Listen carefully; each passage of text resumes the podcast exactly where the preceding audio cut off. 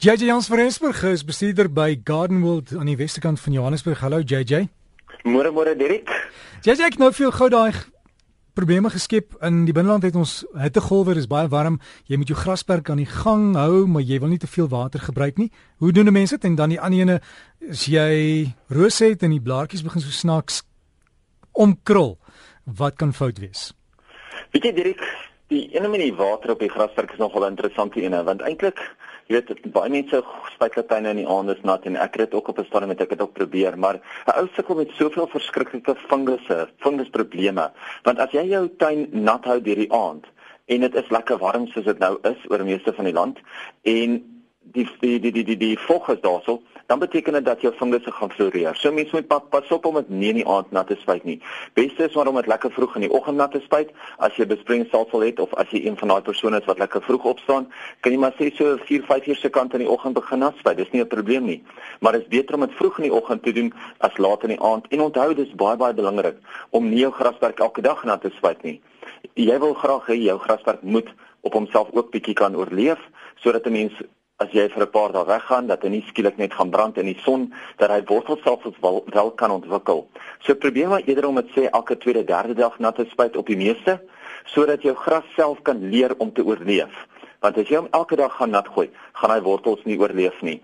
En nou vra mense vir my, hoe lank moet mense dit nat spuit? Dit hang alles af van watter tipe sproeier jy gebruik, maar as 'n mens een van daai klein gewone piramidesproeiertjies gebruik, omtrent so 10-15 minute oor as genoeg, en as jy van 'n besproeiing het wat daai straal gooi oor die oor die graspad, dan moet dit omtrent 15 tot 20 minute wees. So, dit gee net vir jou 'n goeie indikasie van hoe gereeld mense dit moet doen en ook hoe lank 'n mens dit moet doen. Maar ja, deesdae met die koste van water, moet 'n mens maar baie baie spaarsamig wees want dit is baie duur en ook ons moet ons water wys gebruik. So wat nogal ook interessant is, ek dink nou net daaraan. 'n Rukkie gelede het ek 'n um, praatjie bygewoon wat hulle gesê het mense moet eintlik probeer om die rande van jou grasperk bietjie op te lig. So as jy mense 'n deklaag op jou grasperk sou gooi, moet 'n mens daai buitekantste sê halwe meter of so 'n 2 of 3 duim dikker gooi as jy kan want dan beteken dit dat die water wat binne in die grasperk val, gaan bo op, op gaan in die grasperk bly en dit gaan nie noodwendig net oorspoel in die beddings of oorspoel op die plaveisel nie. So jy kan eintlik so half 'n klein skotteltjie vorm met jou grasperk, maar natuurlik gaan dit net goed werk as jy 'n baie gelyke grasperk het of 'n baie gelyke erf het. As daar enigstens 'n val is, dan sal dit nou nie goed werk nie. En jy jy die die die probleem met die rose lyk met die blaartjies krul of sommer die hele nuwe stammetjie begin so omkrul, wat kan fout wees? Is eintlik nogal heel interessant. Kyk, as jy blaartjies self krul, in 99% van die keer gebeur dit as mense onkruiddoders gespuit het, ehm um, naby aan die plante wat daar so onkruiddoder wel op die plante geraak het, of as daar so byvoorbeeld 'n uh, onkruiddoder in die spuit kan was wat hulle dan sê jou roosproduk mee sou gespuit het. Ons praat altyd van die Rose Protector as 'n baie goeie produk om dit mee te spuit. Maar onthou as jy 'n onkruiddoder in die kan gehad het wat klaar gemeng was, uh wat jy nie mooi uitgewas het voordat jy die Rose Protector ingemeng het of voordat jy roospuitstof ingemeng het nie en nog bly 'n mikro mikro hoeveelhede daarvan oor, dan kan dit jou rose affekteer en dit dan wanneer jou blaartjies sommer so klein en ver, ek kan amper sê verknoets daar uitkom want hulle kom baie klein en gedraai uit die uit die stamme uit. Hulle ontwikkel nooit regtig nie. So ek sal amper sê dat dit sal die rede wees hoekom die blare sou draai. Want daar's nie regtig 'n ander rede hoekom jou blare net eenvoudig sou draai nie. JJ dan die ander taak hierdie tyd van die jaar? Man weet jy, direk met hierdie hittegolf wat ons gehad het, is daar soveel mense wat vir my sê, "Hoerie, is dit reg as ek net vinnig my tuin in die middel van die dag net afkoel?" Want jy weet, ons plante staan in die volson, dit staan in al hierdie hitte en dit word blootgestel aan al die elemente en dit is eintlik die verkeerdste ding om te doen om jou tuin vinnig deur die dag te probeer afkoel. As jy regtig jou tuin deur die dag wil nat gooi, vat 'n tuinslang en lei jou plante nat met hom, want koel eerder die wortels selfs af maak jy seker dat die grond lekker nat is in plaas van om net vinnig die blare nat te spuit. Want onthou soos jy weet daai blaardruppeltjies of daai waterdruppeltjies vorm eintlik klein vergrootglase op die blare en dit kan baie baie maklik die blare dan brand. So mens moet maar versigtig wees daarvoor. Die tweede ding is potte en hangmandjies wat nou geweldig vinnig uitdroog. Mense moet nou kyk na daai potte en hangmandjies en die grondstruktuur regkry Want onthou as jou grondstruktuur nie reg is nie, gaan jy die hele tyd net nat gooi en nat gooi en die water loop net deur. So wat 'n mens kan doen is 'n mens kan uh daai grond uithaal.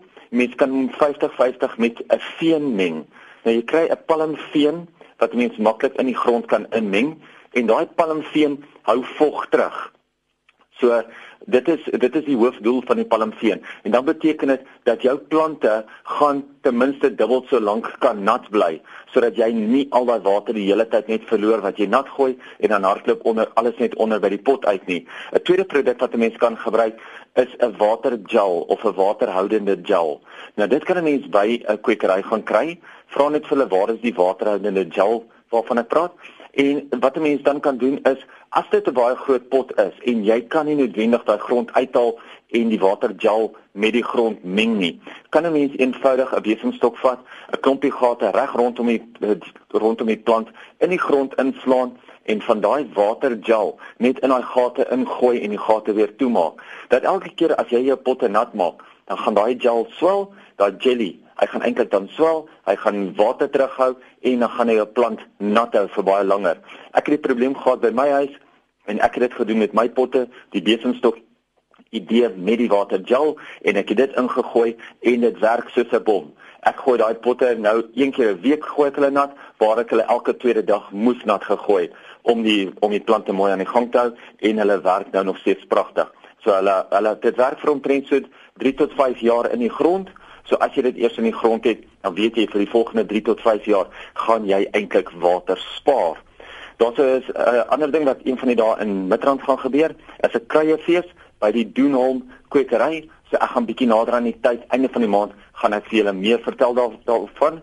So vir die van julle wat daarvan hou om meer te leer oor kruie en meer te weet oor kruie, by Doenholm, die einde van die maand gaan daar so 'n uh, kruiefees wees en dan wil ek net gou-gou twee ander goedjies noem. Dekla wat nou hierdie tyd van die jaar gegooi word is ongelooflik belangrik veral as jou plante nou onder al hierdie stres is met hierdie hitte wat ons het. So maak doodseker dat jy Dekla om jou plante gooi. Hierso gebruik ons gewoonlik 'n natuurlike produk.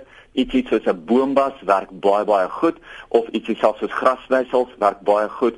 Maar onthou as jy net iets soos klippies of so sou gebruik, moet jy mens seker maak dat dit 'n dubbellaag dik is want jou boonste ry klippies word nog steeds baie warm. Die onderste ry klippies gaan dan koeler bly en dit gaan jou plante baie help. En vir die van julle wat Kersrose in julle tuin het, maak seker dat jy nie nou jou Kersrose meer terugsny nie. Hulle moes nou klaar teruggesny gewees het, want as jy nou aan jou Kersrose gaan sny, gaan jy al jou blomme verloor.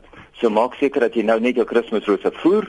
Onthou, hulle hou van hulle suurliewende voedsel en dit is nou die regte tyd ook om sommer 'n bietjie van daai suurkompos of van die suurveen om die plante net liggies in te werk, want dan weet jy dat jou kleure van jou blomme op hulle mooiste gaan wees.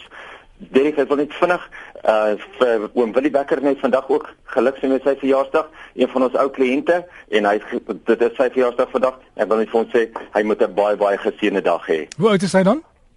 Ek dink hy is 69. Ek is nie seker ja, nie of 60. Ek kan dit nie onthou nie. Ek het net gehoor dit is sy verjaarsdag en sy kinders het my gevra ek moet asseblief onthou om hom geluk te sê en hy dis eintlik sy 60ste verjaarsdag. 60ste daai het hom. So gesels ons dan met JJ Jansen van Hensburg by Garden World en sy e-pos is jj by Garden World. Ben sien op ons dit ons jj by Garden